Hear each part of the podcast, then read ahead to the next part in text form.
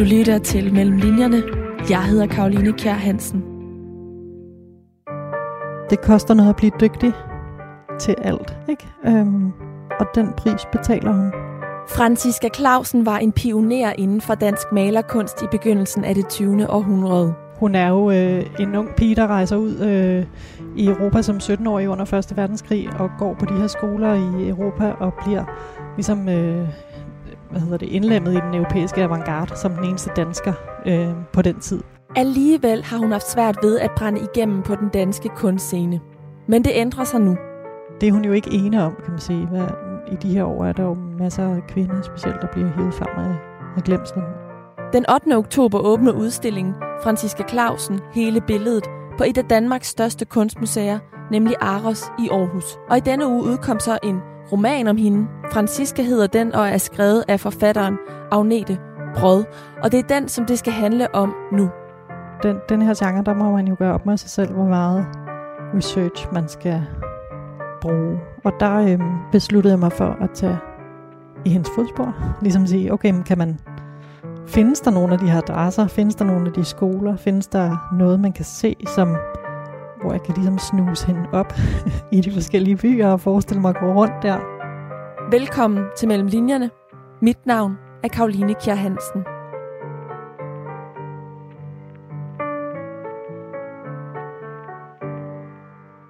Agnete Brød, vi øh, står lige nu her, hvor at din prolog i romanen Franziska finder sted. Vil ja. du ikke fortælle lidt hvor det er henne? Det kan du tro. Vi står her på hjørnet af Palægade og Bredgade, hvor der i 32, januar 32, hvor Franziska Clausen kommer hjem fra udlandet for at udstille. Der ligger noget, der hedder Bingers Kunsthandel her. Og senere i 45 rykker den lidt hen af Palægade til nummer 6 til 8. Men nu står vi altså her øh, på hjørnet af Bredgade og Palægade.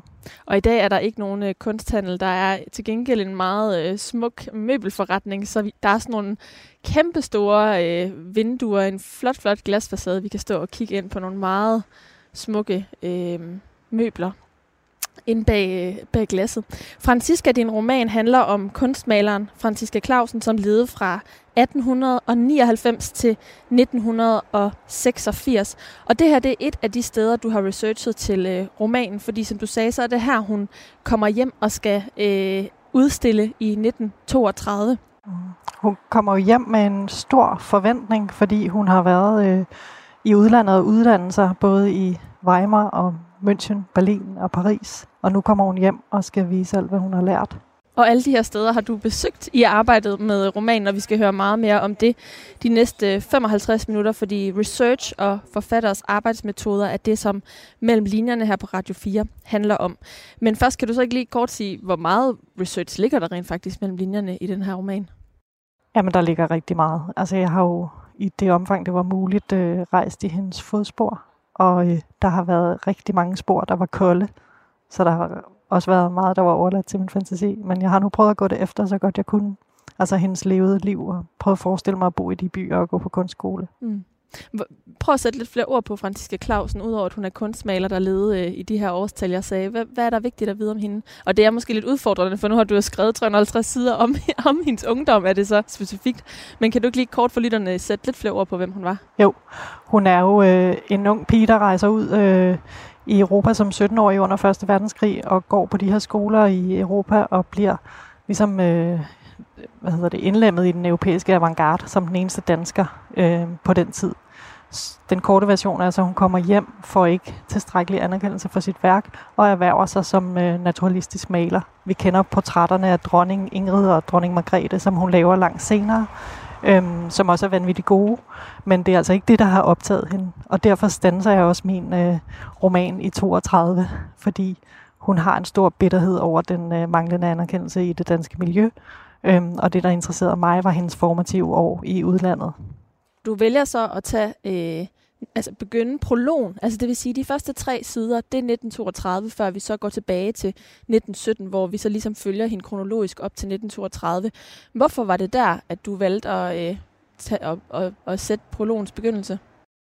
Jamen det er også, øh, man kan sige, det er jo sådan en klassisk episk øh, greb at starte med slutningen. Altså jeg havde øh, lyst til, dels havde jeg lyst til, at romanen skulle slutte på den der forhåbning, hun har, der hvor hun er allerbedst i 29, 30, 31. Øhm, men dels havde jeg også lyst til lige at nævne den øh, bitterhed, der så kommer og faktisk fylder 50 år øh, bagefter, uden at skrive en hel roman om det. Øh, så det var den kobling, jeg lavede, hvor man, hvor man ligesom siger, når man, man, man starter med at høre øh, hendes, øh, eller anslaget er her i, i København, hvor hun vender hjem, og så hører man derfra så hele historien, fra hun rejser ud som ung pige, og, og ender med at stå i Paris og fortælle sine venner i Paris, jeg har sgu fået en solo, jeg skal hjem i Bingers kunsthandel. Og det er den solo, hun er ved at øh, gøre klar til, da vi læser de allerførste linjer af hende, og dem synes jeg, vi skal høre nu. Bingers Kunsthandel, København, 1932. Francisca flytter tre billeder fra langsiden til endevæggen. Hun træder baglæns ud i rummet og betragter dem på afstand. Det er bedre på den måde. Det er hele bevægelsen og relationen mellem værkerne, hun forsøger at få frem. Udviklingen fra de tidlige abstrakte eksperimenter til særkle karé. Alt skal tale sammen. Hele Europa skal ind i udstillingen. Alt, hvad hun har tilegnet sig. Hun vender sig om i sin sorte frakke og går hen til den store glasdør. Åbner den og går ud på gaden. Hun står lidt foran galleriets store ruder og trækker pelskraven op om halsen. Hendes ånde er hvid i januars vinterkulde. Hun savner Florence og Marcelle. De ville have givet deres mening til kende. Den unge assistent er ikke meget bevendt, og Francisca har en dårlig fornemmelse.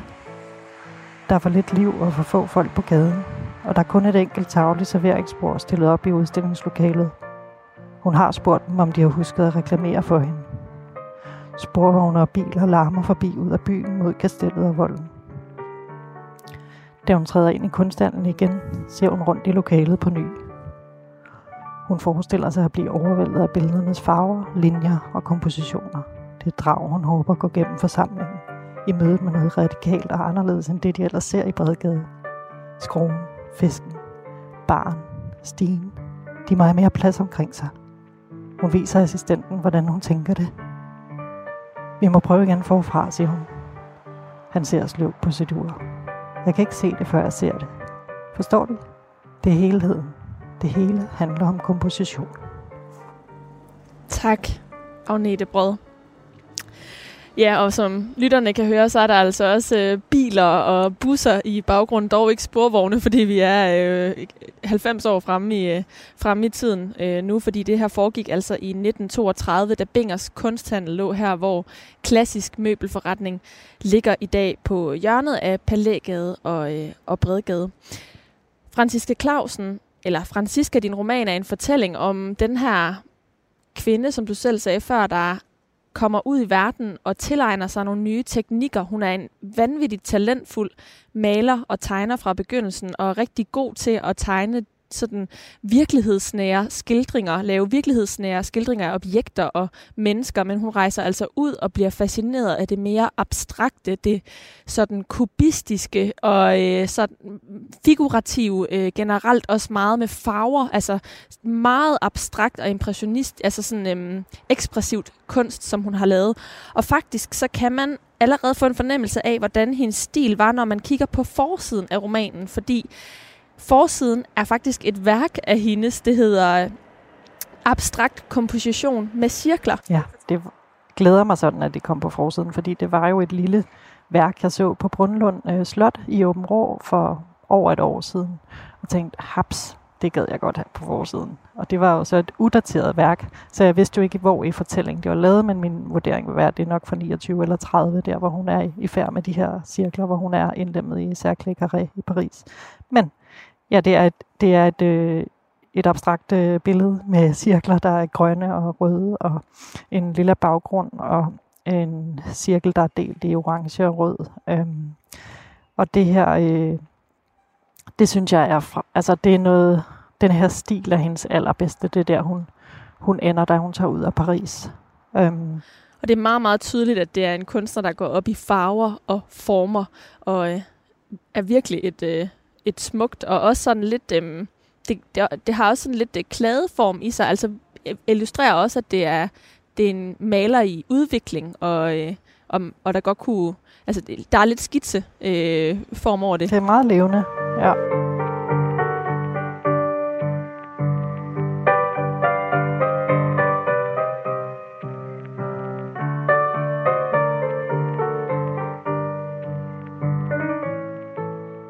Agnete Brød, nu sidder vi på Kunstakademiet, hvor Franziska Clausen gik. Efter genforeningen i 1920, der studerede hun her, og Kunstakademiet ligger et, et stenkast fra, hvor vi stod lige før på hjørnet af Palægade og Bredgade i København. Hun er her jo sådan set kun for en kort bemærkning. Ja, og allerede her begynder hun at øh, føle sig lidt udstødt af det danske kunstmiljø. Nu læste du fra prologen før, hvor der ligesom bliver hendes næsten sådan endeligt, at hun bliver udstødt fra det danske kunstmiljø, men det er jo allerede her, hun begynder at få en øh, fornemmelse øh, af det, og hun har jo lidt den her følelse af ikke at have fået den anerkendelse, som hun egentlig føler, hun bør få, og hun er heller ikke et stort historisk øh, kunstnavn for den brede befolkning. Vil du ikke fortælle, hvordan du stødte på hende? Jo, Altså, øh, det gjorde jeg faktisk ved, øh, gennem det her, den her kæmpestore bog, katalog øh, Absolut Avantgarde, om Franziska Clausen fra 1921 til 1931, som er et katalog til en udstilling på Øregård Museum, som var i 11. Og det, øh, jeg havde hverken set udstillingen eller det her katalog før, så det var ret tilfældigt. Og så bladrede i det og tænkte, nå ja, jeg kender skruen og et par andre billeder, men jeg kendte slet ikke den der historie om, om hende og Europa, kan man sige. Altså jeg, jeg kendte ikke hende så unge år, og, øhm, og jeg vidste ikke, at hun på den måde havde været, hvad skal man sige, forud for, altså jeg vidste ikke hendes pionerstatus egentlig. øh, og så, øh, så undrede det mig bare, at jeg ikke kendte hende bedre. Når jeg nu begyndte at læse den her historie om hende, så synes jeg, at det var virkelig interessant, og hun har været super modig og stedig og vedholdende, og hun har også haft en stor tro på sit eget talent, mm. forestiller mig. I, øh, I et af kapitlerne, der er hun i München i 1921, og der har hun en kollega, der siger, at hun skal skifte sit efternavn, fordi Clausen kan man ikke blive en uh, stor uh, kunstner med. Tror du, det er derfor, at hun uh, ikke er blevet større og mere anerkendt og bredere uh, kendt i, i offentligheden? Øh, eller hvad tror du, at årsagen er til, at du, ligesom så mange andre, ikke kendte til hende, før du stødte på kataloget her mellem os? Altså, jeg, jeg, jeg kendte hende jo godt, men jeg kendte hende ikke så godt, som jeg gør nu. øh, nej, det tror jeg ikke, at det har noget at gøre med det, men jeg tror, der er en, øh, en vis øh, øh, provinciel tænkning, kan du sige, som også finder sted i dag. Altså, hvis folk tager på designskole i London, så kan de også have svært ved at komme ind i det danske miljø, når de kommer tilbage. Øhm, så det er måske lidt lukket som, om sig selv, og det har det også været for 100 år siden. Altså, da hun går her et semester på Kunstakademiet i, i 1920, så, øh, så oplever hun, at de synes, hun er halvtyskeren, eller hun er mærkelig, eller hun er anderledes, fordi hun har allerede været i Europa. Men når man står i, i Åben Rå, som jeg jo gjorde i forbindelse med min research, og forestiller sig at være en ung pige, der står og kigger ud over den der fjord, langt fra København, og man har gået i tysk underskole, taler tysk, så er det jo virkelig nærliggende at rejse ned gennem Europa. Altså meget mere end for en københavner. Så det er jo egentlig ikke så underligt, at hun har været tilskyndet til det, og hun også har været, hun har jo haft tegneundervisning i Flensborg, og hun har allerede været orienteret mod det europæiske miljø. Og det tror jeg nogle gange kan provokere det danske lidt. Altså at man har, øh, at man ikke har gået på skole herhjemme. Altså, øh. Ja, og på den måde er det her jo også en fortælling om at være en del af det danske grænseland. Altså at være øh, splittet mellem to nationaliteter og to kulturer, noget som mange tusind danskere formentlig stadig er den dag i dag, men særligt på det tidspunkt, hvor at uh, genforeningen først fandt sted i, uh, i 1920, og det var et, et, et delt land, altså et land, der blev, eller en del af et landet, som, som først tilhørte Danmark, så senere Tyskland, og så mm. Danmark igen. Så på den måde giver det jo super god mening, at Man skal hun, også huske, hun var præget af det. Ja, fuldstændig, og på det tidspunkt er, er Tyskland jo en meget større kulturnation, end Danmark er. Altså, øh, hun, øh, hun har også næse for, hvor der er god undervisning, altså hvor de gode malere, hvem der tiltrækker de gode øh, øh, elever osv. Ikke? Øh, når hun bevæger sig ned gennem Europa, så er det jo med sin næse for kvalitet, ikke? Øhm, og fordi hun vil frem, og hun vil ikke bare være en lille smule dygtig. Altså, de fællesskaber, hun kommer ind i, det, der vil man jo være, altså, i verdensklasse, ikke? Mm. og jeg tror, øh, der er mere plads til den ambition. Øh, hun føler også, at da hun går her øh, på Kunstakademiet i København, at hun bliver sat tilbage, altså rent fagligt, fordi hun maler efter gips igen. Eller det, hun føler sig sådan mange flere semestre øh, tilbage, end, end, øh, end det hun har stiftet bekendtskab med i, i Weimar og i München. Ja, der bliver i hvert fald tegnet det her billede af hende som den sådan lidt utålmodige elev, der meget gerne vil. Øh, hun retter sig efter lærerne, men hun, hun spørger lige en ekstra gang, om hun ikke øh, må, må gribe til noget andet materiale eller nogle andre motiver, øh, selv når de har fået en, øh, en bunden opgave. Men en ting er jo, at hun ikke fik den anerkendelse, øh, i sin, øh, da, da hun levede, men, men i dag, hvorfor er hun ikke et bredere navn før nu? Fordi lige om lidt så åbner Ars en øh, stor øh, udstilling 8. oktober åbner den øh, udstilling, der hedder Franziske Clausen. Hele billedet er titlen simpelthen, øh, så formentlig vil der inden længe være mange flere danskere, der øh, hurtigt kan øh, sætte lighedstegn mellem Franziske Clausen og de her meget øh, kubistiske, farverige og øh, eksperimenterende øh, billeder. Men, øh, men vi er trods alt stadig i 2022 i dag.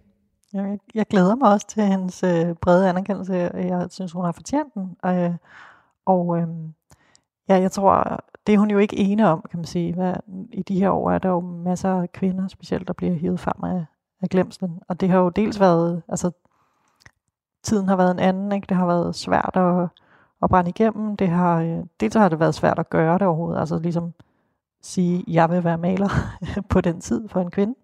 Men, øhm, men der har jo også været de her fællesskaber, som har skulle, øh, øh så, hvor man bliver hjulpet frem. Altså det har også været mandefællesskaber, altså tidsskrifter og kritikere og øhm, kunstnerfællesskaber. Der har været rigtig mange mænd i den tid, så det har nok bare været svært. Og nu er det uden, at det er sådan en, det er jo ikke sådan en, på den måde en feministisk øh, roman, men jeg tror simpelthen bare, at det har været hendes vilkår, ikke? Øhm, og, øh, og hun får jo sådan set også øh, anerkendelse øh, op i 60'erne og 70'erne, når hun bliver købt af nogle danske museer, og hvad hedder det, hun øh, erhverver sig så som portrætmaler, altså øh, fordi hun har jo naturalistiske skills, som er virkelig gode. Hun maler dronning Ingrid og dronning Margrethe, og når folk ser de malerier, så vil de faktisk typisk kende dem. Altså også folk, der måske ikke ved, at det er Franziske Clausen, vil typisk genkende portrættet af dronning Margrethe og sige, det har de set før.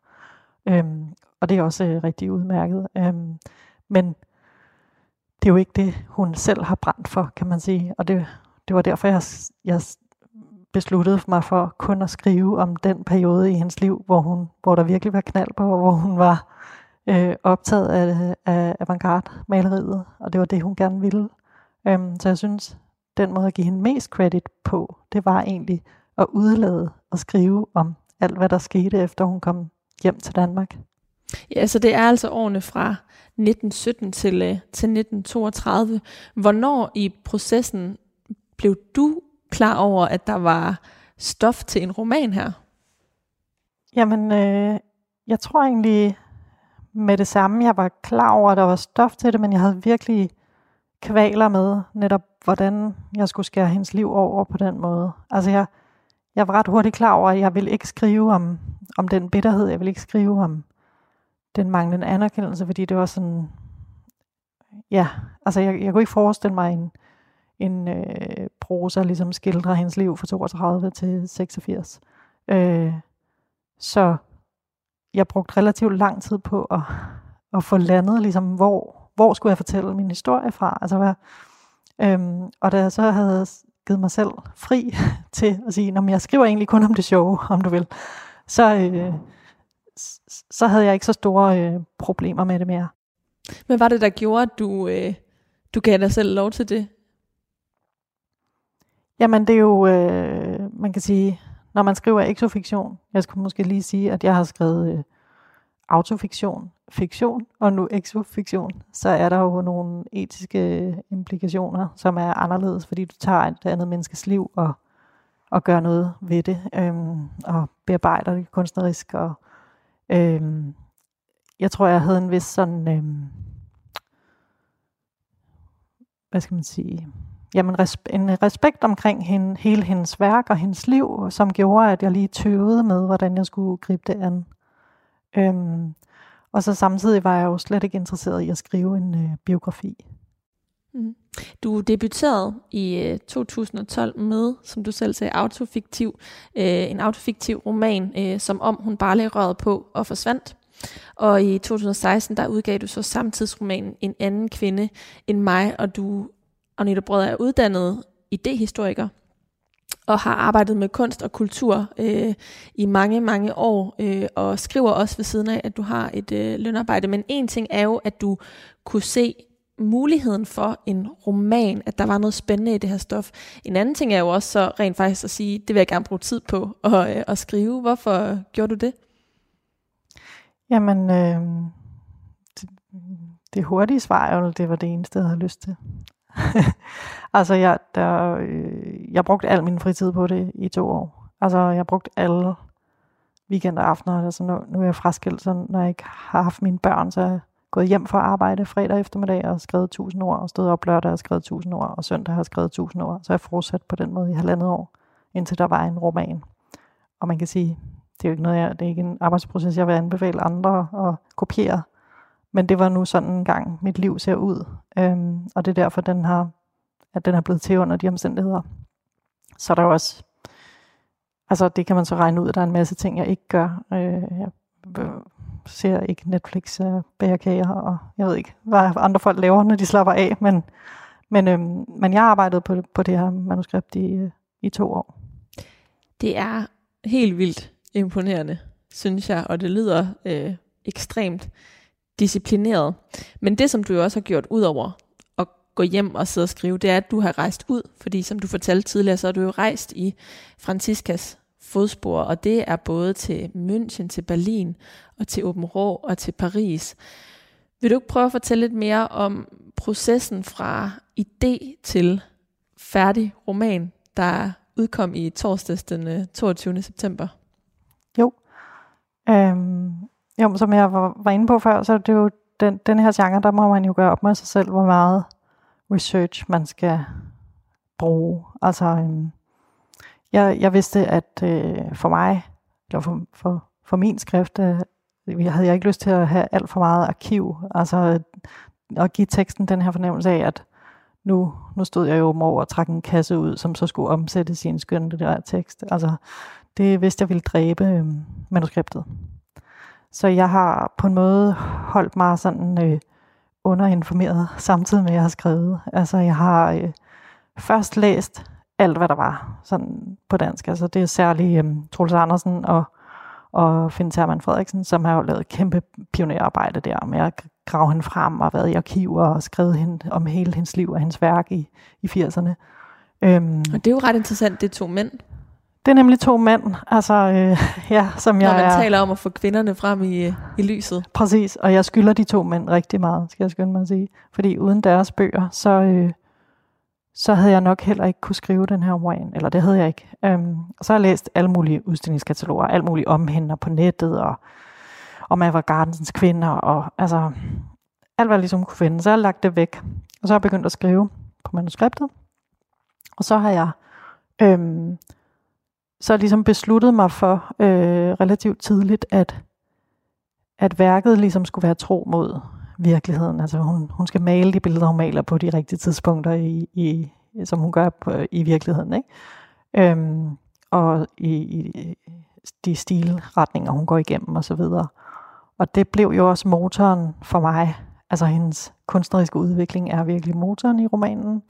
Øhm, og alt det, man finder hos kunsthistorikere som øh, Terman Frederiksen og, øh, og Troels Andersen og andre, det er jo, øh, det er jo strikte på værket. Og så manglede jeg jo, og altså det jeg gerne ville skrive, var jo det levede liv, ikke? Øh, så jeg kunne godt se, at der, at der sådan set manglede en roman rundt om hende, ikke? Øh, og der, øh, der besluttede jeg mig for at tage i hendes fodspor. Ligesom sige, okay, kan man, findes der nogle af de her adresser? Findes der nogle af de skoler? Findes der noget, man kan se, som hvor jeg kan ligesom snuse hende op i de forskellige byer og forestille mig at gå rundt der.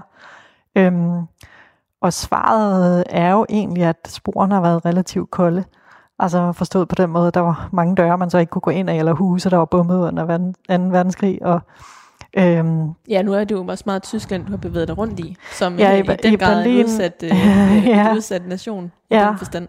Ja, øhm, men øh, ja, i München for eksempel kunne, er, er hendes adresse ikke oplistet i lokalarkivet, og så må man jo, så vidste jeg, hvor kunstnerne holdt til, og så må jeg ligesom beslutte mig for, hvor hun så boede i min roman. Ikke? Øhm, så på den måde har jeg jo, øh, ja, digtet øh, rundt om hende. Ikke? Øhm, Men hvorfor tog du til de her byer, når at rigtig mange øh, spor, som du siger, var kolde, og rigtig meget øh, er blevet bumpet eller ændret siden. Nu var vi også henne ved øh, Bingers øh, kunsthal øh, hernede på hjørnet af Palæ og Bredegade, hvor der ikke er en kunsthal længere i dag. Så rigtig meget har jo ændret sig, fordi det selv sagt er over 100 år siden, og der har været øh, en anden verdenskrig øh, i mellemtiden, og en kold krig også. Øhm, men du har alligevel valgt at tage ud til de her steder. Hvorfor gør du det som forfatter? Jamen det, øh, det er jo det, man har, kan man sige. Det er ens indlevelse og fantasi og empati for, for, øh, for romanfigurerne og for, for hendes liv i det her tilfælde. Og det er jo, det er jo mit redskab. Og det er, derfor har jeg også været sikker på, selvom jeg nogle gange har vidst, at de døre var lukket på forhånd, at jeg skulle derned alligevel og, og gå i nogle gader, altså for at øh, forestille mig hendes liv. Så det har været virkelig væsentligt for, for tilblivelsen af, af romanen, de rejser der. Jeg har fundet et sted, jeg godt kunne tænke mig, at du skal læse højt, så vi lige kan høre, hvordan den her øh, by bliver tegnet op. I det her tilfælde er det øh, Berlin. Øhm, så du må gerne læse højt fra side 66. Berlin, oktober 1922. Der går en sporvogn fra Kurfürstendamm og østpå. Hun stiller sig op i en klynge af vente lige neden for pensionatet. Gaden er fuld af larm fra morgenstunden. Barer, butikker og trafik. Peter har sørget for hendes bolig. Han har udvalgt sig Kurfürstendamm uden nogensinde har været der, fordi han har hørt, at boulevarden er anlagt med parisisk forbillede i Champs-Élysées, og kun det bedste er godt nok til hende. Franziska hopper ombord som en af de sidste og stiller sig forrest, så hun kan se ud på byens gader, mens vognen kører. Der er et læben af hestevogne, biler og sporvogne, der kører tæt. Et rand af fodgængere mellem hinanden, der tager chancer og kanter sig ind og ud i trafikken, når de krydser vejen. København virker som et stille og fredeligt sted i sammenligning med den tyske hovedstad. End ikke på Kongens Nytorv har hun nogensinde oplevet et lignende opbud. Berlin er en kæmpe tue, et mylder af mennesker, der indgår i et system af udveksling og handel dagen lang, løser opgaver og driver ting fremad. Og det er mere varieret og sammensat, den konstellation af folk med forskellige baggrunde, kulturer og sprog, der kommer for at profitere og på hver deres måde hente energi og viden ud af byen. Alt det bedste fra Europa, sagde Florence, og understregede, at hun ikke må forveksle byens puls med sin egen. Alt det virvar, larm og aktiviteter og mennesker, der umiddelbart har en smittende energi, kan være drænende. Jo mere udbud der er, des mere målrettet skal du selv være, sagde Florence, da de tog afsked i München. For første gang er hun ikke indskrevet på en skole på forhånd, og det var svært for hendes far at forstå, hvordan hun vil rejse frit og udvikle sig ved at håndplukke den bedste undervisning. Han kan ikke begribe, hvorfor hun ikke vælger en klassisk skole med en undervisningsplan, i stedet for at skifte rundt på må og få uden retning. Allerede på afstand kan hun se, hvor indgangen er.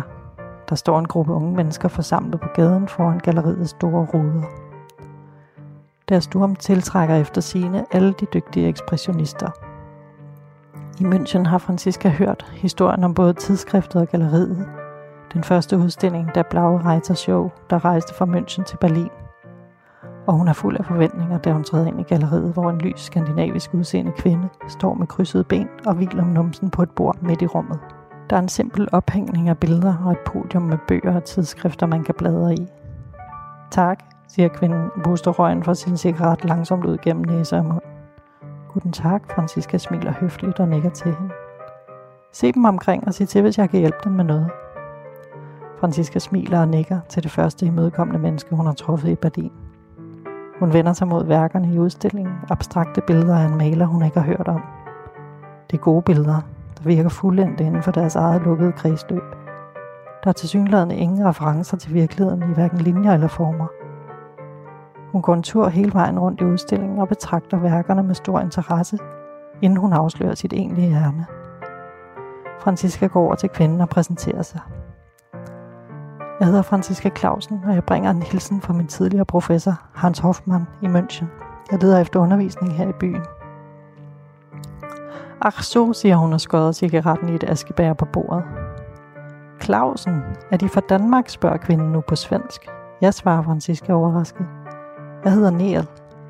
Jeg er svensk, men gift med det her foretagende, siger hun og løfter en pegefinger lodret op i vejret og drejer den rundt og rundt. Pludselig går hun over mod indgangen og taler ud mod fortorvet. Gabrielle, mein Schatz, kommst du bitte rein? En kvinde vrister sig fri af en samtale ude foran og kommer ind gennem galleriet til Ned og Franziska. Hun har mørke krøller og så mod i øjnene, der minder om en Sankt Bernards hund. De visker kort sammen og lader Franziska blive stående et par meter derfra. Abstrakt. De vil lære at male abstrakt, spørger kvinden. Ja, i den her stilretning. Frie abstrakte kompositioner, der ikke er efter model, svarer Francisca og nikker til billederne omkring dem. Gabrielle går ud på fortovet igen og taler med en lav mand i en ternet jakke, hun hiver ind i galleriet til dem. Han skæver til Francisca, går over til bordet og finder en lap papir og en blyant. Han skriver noget ned på og rækker den til Francisca. Laszlo Maholi Nash står der på sedlen. Navn og adresse. De hilser fra mig. Han er en af de mest progressive.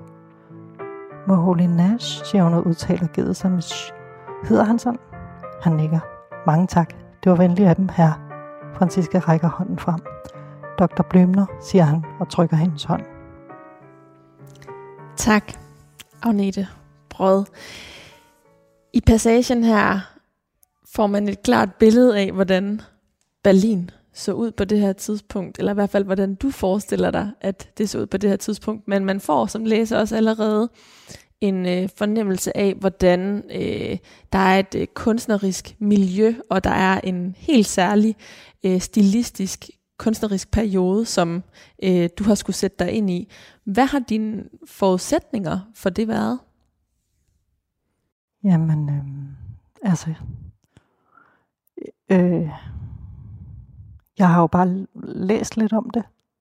Jeg, har, jeg er jo ikke kunsthistoriker, så jeg har prøvet at, at sætte mig ind i øh, selvfølgelig forskellen mellem de forskellige øh, perioder og, og, og stilretninger, men så har jeg også prøvet at forestille mig det indefra, som er jo lidt anderledes, end hvis man skriver en kunsthistorisk øh, tekst, fordi jeg jo skulle forstå hendes øh, ønske, eller hvad det er, hun har set, hvad det er, hun har, hvordan det, det er, hun har ville udvikle sig.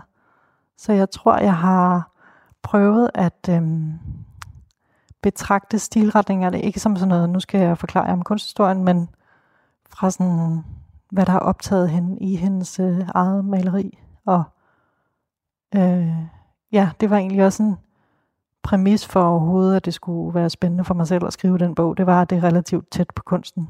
Øhm, som jeg jo har arbejdet med en del år, men, men jeg vil ligesom, øh, jeg vil ind i hendes værk. Øh, fordi, Hvad vil det sige, at komme ind i hendes værk? Mm, jamen det vil i hvert fald sige, at, at, at øh, romanen ikke skulle handle om alt muligt andet. Altså jeg, jeg tror, det er vigtigt at forstå, at de her kunstneriske fællesskaber, som hun møder i det her internationale miljø, det er jo ikke sådan, at øh, så går de til badminton om torsdagen. Altså der er jo ligesom, der er jo kun det. Altså du, du, du har forladt alt muligt for at være der.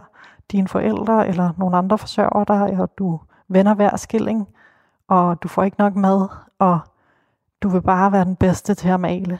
Øhm, du vil være en af de bedste i verden til at male. Og, øh, og derfor bliver for mig blev romanen nødt til at have den energi. Altså, at hun drømmer om billeder, hun vågner og tænker på nogle nye billeder, hun ser de andres billeder, hun ser mestrenes billeder, hun ser udstillinger i de byer, hun er i. Altså at, at motoren i hendes liv simpelthen er det kunstneriske. Og da jeg først ligesom fandt ud af, at det var sådan, teksten skulle være, øh, så gik det relativt nemt øh, at lave de her øh, hvad skal man sige, beskrivelser af miljøet, men også af, af stilen og, og, øh, og den måde, hun bevæger sig øh, gennem øh, de kunstneriske stilretninger. Der er jo nok nogen, der vil tænke, eller man kunne i hvert fald hævde, at det at øh, gå så benhårdt efter noget er egoistisk og selvoptaget. Hvordan har dit blik på Francisca som person været? Altså, øh, fordi hun virker jo også enormt sympatisk, bare i den passage, du lige har læst højt, hvor hun henvender sig høfligt og øh, meget øh, ydmygt til, til de her kunstnere, der allerede er inde i miljøet i øh, Berlin. Mm. Altså, jeg har været meget fascineret af hendes øh, dedikation, og man siger, min egen roman er skrevet med samme dedikation. Jeg har ikke lavet andet. Men øh, altså, jeg, jeg tror, øh, ja, men jeg, jeg har forstået på hendes værker den udvikling, at hun må have været enormt stedig også. Altså en enormt vedholdende person. Og øhm, ja, altså jeg, jeg, øh, jeg opfatter hende ikke som egoistisk. Altså det er jo, det koster noget at blive dygtig til alt, ikke? Øhm, og den pris betaler hun, og den har hun været villig til at betale hele vejen igennem. Hun bliver for eksempel ikke gift, og hun får ikke børn. Øhm, så, så de billeder, hun skaber, det er jo så også det, hun skaber i sit liv. Så, øh, så man kan sige, det, er jo, det tager jeg den af for. Altså jeg synes ikke, der er noget som helst øh, egoistisk ved det. Tværtimod tror jeg, hun har altså drømt om at give de her billeder til verden, ikke? Øh, som de fleste billedkunstnere jo gør. Øh, sætte et aftryk via dem. Og jeg tror også i høj grad, det har været, sådan er det jo ofte, det er, sådan, det, er det, hun kan, og så er der andre ting, hun ikke har kunnet. Øh, og derfor har hun også vidst meget tidligere, at hun skulle gå efter det kunstneriske spor, og blevet bakket op af sin, sin far. Ikke?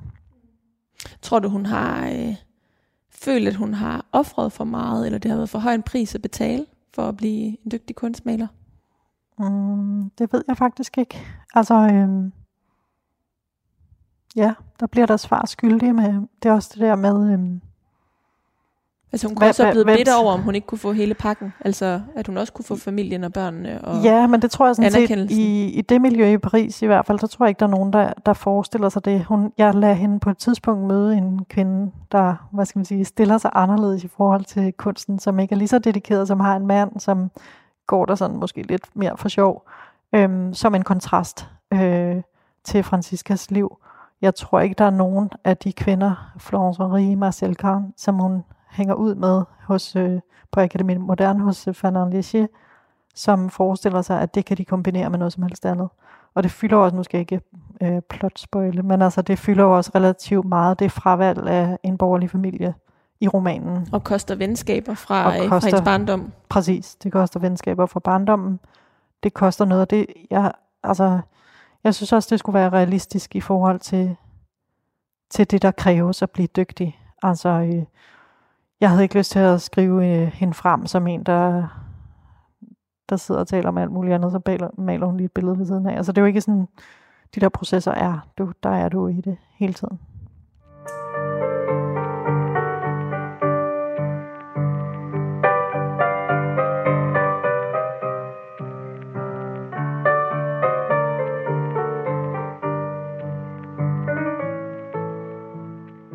Agnete Brød, i Francisca, der, øh, eller i den periode, du skriver frem i Francisca fra 1917 øh, til 1932, der øh, bliver det klart for læserne og for Francisca Clausen selv, at cirklerne er hendes øh, form, altså hendes øh, foretrukne øh, formsprog. Øhm, og øh, jeg kunne godt tænke mig at tale med dig om nu, hvordan øh, mm, du har, hvordan stoffet har spillet ind på dit sprog, fordi øh, der er også nogle interessante øh, farver og former i dit øh, billedsprog. Et eksempel kunne være, øh, siger hun med øjne, der lyser sort som to modne solbær, for eksempel. Hvordan har du arbejdet med sproget i, øh, i romanen, og hvilke overvejelser har du gjort dig omkring det, øh, det sprog, som den er endt ud med at få? Jeg tror egentlig overhovedet ikke, jeg har tænkt, at den skulle have et, et, et andet sprog end mine andre romaner. Altså, jeg tror øh, litterært set er, er man skriver man jo på det niveau, man så har øh, på det pågældende tidspunkt. Og det har egentlig ikke været anderledes og på den måde at skrive end før, men det er selvfølgelig en, op i en højere, altså en højere volumen. Og, øh, og jeg har godt kunne mærke, at øh, hvad skal man sige, det har klædt mig godt at skrive om det kunstneriske.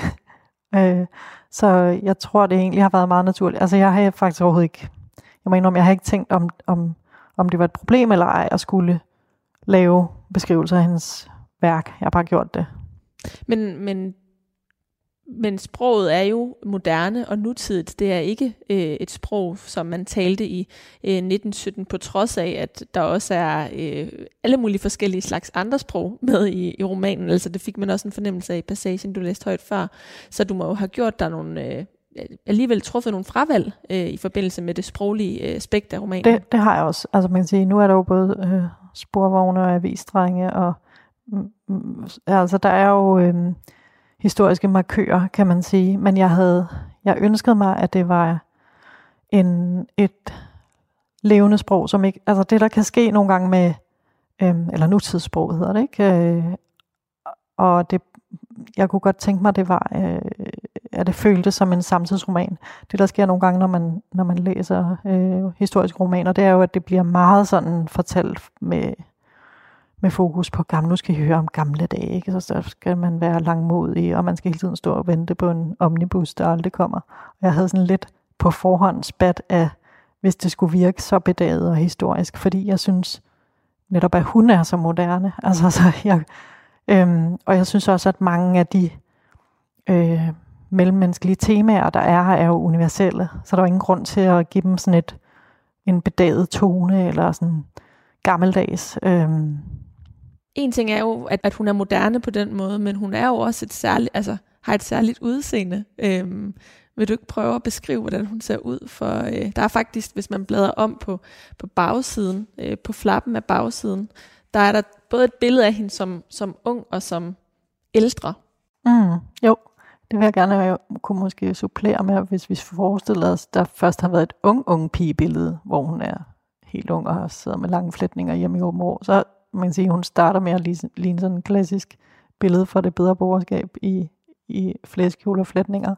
Og så får hun det her sådan meget mere sådan, øhm, maskuline udtryk, øh, da hun er i Berlin og Paris. Altså de, det, det gælder jo alle de her kvinder. De klipper også noget garçon-hår, altså maskulint øh, korthårsforsyre, der ligger klinet ind til hovedet. Sorte opstregede øjenbryn.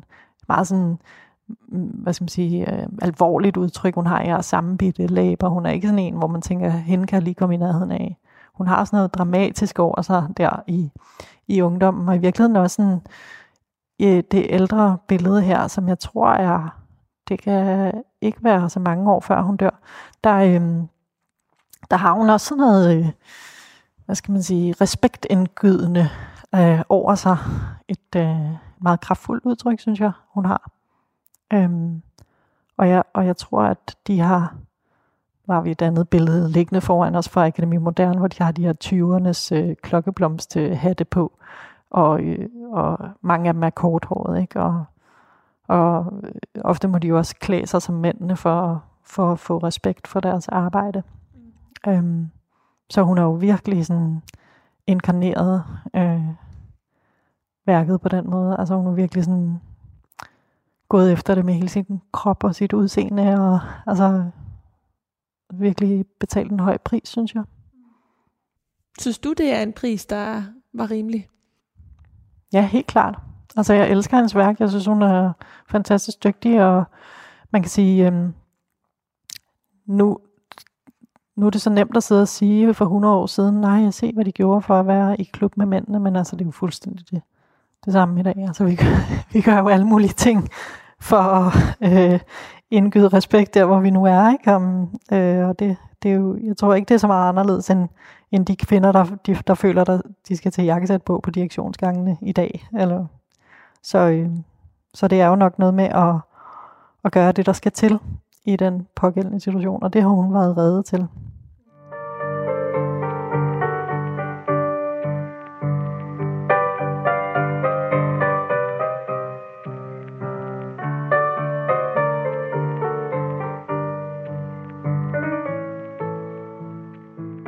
Agnete Brød, øh, Francisca er jo exofiktion. Det vil sige, det er et virkeligt liv, du har taget og bearbejdet til en roman, til noget fiktivt.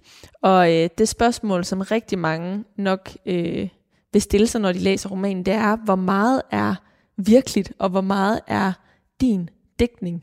Kan du øh, fortælle lidt om øh, den overgang? Ja, altså jeg, jeg kan ikke sætte procenter på, men jeg kan sige, at der er dækket rigeligt til. Altså Øhm, jeg har jo øh, haft det som mål, at, at romanen skulle fungere som roman. Og det vil sige, øh, hvis... Øh, ja, altså jeg, nogle gange har jeg opfundet ting, jeg skulle bruge, ikke? Opfundet et, øh, en, altså, eller betonet det venskab med Florence Henri helt vildt. Altså det kan alle mulige så komme og sige, ham, det var slet ikke rigtigt, så gode venner var de ikke. Men det har jeg så været ligeglad med, fordi i bogen har jeg skulle bruge et stærkt venskab med Florence Henri for at bære fortællingen frem.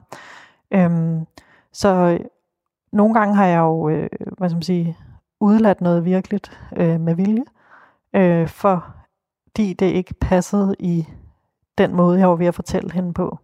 Øhm, og det er jo det her med øh, balancen mellem, mellem øh, research og, og, øh, og fiktionen. Det, det er jo en, hvad skal man sige, jeg tror, at enhver forfatter forvalter det på deres måde, men jeg har, jeg har for eksempel også øh, digtet rigtig meget frem om de relationer, hun har i Paris, som jo er, det er jo, det er jo selvfølgelig tro mod, at hun gået i klasse med dem og dem på det rigtige tidspunkt. Øh, og hun, øh, man kan sige, hele forholdet til Léger er jo også min forestilling ud fra det billede, der hedder Fisken med undertitlen øh, Et ønske om at, at blive gravid. Øh, og, og, og øh, affæren er sådan set rigtig nok, den kan alle mulige kunsthistorikere bekræfte, men, men øh, ja, man, man kan se sådan på det, du kender tv-serien The Crown, øh, der er den der kontrakt, der indgås med, med seeren, er jo også, at nu kom der en og spillede dronningen i henholdsvis det og det og 10. Og når man giver sig hen til den serie, så øh, er man jo med på det, og man ved udmærket godt, at ingen har kunne høre de replikker inden for de kongelige gemakker, men alligevel tror man på den historie om det engelske kongehus, som er fantastisk velproduceret i øvrigt, men øh, du kan også sige, at det er en anden end Francisca selv, der spiller Francisca i min bog. Altså, det, det er jo den læsekontrakt, der er, når man ikke skriver en biografi, så siger man, så sagde vi jo, at nu kom Francisca gående her, tog til München og Berlin og Paris, og så må man jo, hvad skal man sige, så må man gå ind på, på romanens præmis. Øhm, så ja, man kan, man kan finde øh, masser af ting øh, i en roman, der ikke er rigtig, men det kan man jo i alle romaner, fordi det er fiktion. Er det, er det en fordel for dig som forfatter, at øh, være nødsaget til at digte ting, der ikke er rigtige, eller er det tværtimod et øh, benspænd, altså øh, vil du i virkeligheden have mere foræret på forhånd? Jeg synes, øh, den her genre er utrolig appellerende, fordi der er noget, der er givet, og noget, der ikke er givet. Og man kan også spørge, hvordan skal man ellers fortælle historien om hende? Altså den levende historie. Historien om hendes levende liv, levede liv. Hvem skal kunne fortælle den? Det har jo, der er ikke nogen børn, der kan fortælle den. Der var ikke nogen danskere med hende i Paris, eller Berlin, eller München. Øh, hun træffer Anna Klint Sørensen en enkelt gang, men der er ikke nogen på den måde, hun hænger ud med, som kunne give os det vidnesbyrd. Så det findes jo ikke. Så det er jo ikke, fordi jeg er op imod en anden sandhed. Øh, så ja, det har egentlig... Jeg, jeg synes jo, når jeg læser om hendes værk kunsthistorisk, at jeg mangler fortællingen om hende. I efterskriftet, der takker du øh, hendes nevø, Peter Sifert Clausen. Hvorfor gør du det? Jamen det gør jeg, fordi han er øh, formand for det, der hedder Fonden Franziska Clausens Samling. Altså de, de ejer alle hendes billeder, de, de er ligesom øh, familie. Øhm, altså hans, det er faktisk en grænne fordi hans farfar er Jørgen, var Jørgen Franciskas storbror. Og øh, jeg takker ham, fordi han øh, læste romanen, inden den gik i tryk, og skrev en rigtig sød og rørende besked til mig, som jeg ikke vil dele med nogen, men, men han øh, stiller sig meget positivt i forhold til min roman. De er rigtig glade for, at den kommer ud, og, øh, og at hun får mere credit. Øhm, har du skulle spørge ham om lov for, øh, til at skrive den, eller følt et, har du følt, at du har været du ved, øh, nødsaget til at spørge om lov på forhånd, når det nu trods alt er noget familie, der stadig lever? Der er jo helt klart et etisk øh, hensyn. Jeg vil ikke sige, at man, man spørger om lov, kan man sige, fordi man, øh, altså det er klart, at man, man har ikke lyst til at, at gøre noget, som de ikke vil bryde sig om. Og det er også derfor, at jeg synes, at han skulle have lov at læse inden hele verden. Øhm, og hvad er det så, man spørger om? Det er jo ikke sådan, øh, vil du redigere min bog? Eller, altså, øhm, det er ret prekært, det der, hvordan, og det tror jeg heller ikke, jeg vil sige noget om her, sådan, hvordan skriver man sådan en mail, eller hvordan tager man sådan en samtale med sådan en familie. Det er der også rigtig mange forskellige måder at gøre mm. på. Der er Men også, det er en overvejelse, du har haft. Helt klart, helt klart. Og det har alle, der skriver eksofussion. Det mener jeg også, man bør have, øh, hvis der findes øh, efterkommere, ikke? Øh, eller nogen, der på en anden måde har været tæt på, på personen. Og, og der er jo også nogle forfattere, som har sådan en familie ind over i hele skriveprocessen, hvis der findes børn og, og nære pårørende. Så det, det synes jeg egentlig, at man, man kan sige, der ligger det her etiske hensyn, og hvordan man så for, forvalter det, det, det må også være op til den enkelte. Og det er jo dejligt at høre, at familien øh, er glad for, for den skildring, du har, du har lavet, Franziska Clausen. Men hvordan tror du, at hun selv ville have det med den? Altså, han skrev til mig, så vil jeg kun citere en linje, at Siska ville have elsket mig af hele sit hjerte så tænker jeg, det kan da ikke blive bedre. Nej. Og det virker som et øh, fint sted at slutte samtalen her. Agnete Brød, jeg vil sige tusind tak, fordi du vil være med i mellem linjerne og fortælle om din, dit arbejde med og researchen til Francisca. Selv tak, det var en fornøjelse. Francisca Romanen Francisca er udgivet af Politikens Forlag. Tak til Kunstakademiet, som lagde rammer til samtalen her. Tak til dig, fordi du lyttede med. Og husk, at du kan finde mange flere forfattersamtaler, hvis du søger efter mellem linjerne i Radio 4's app.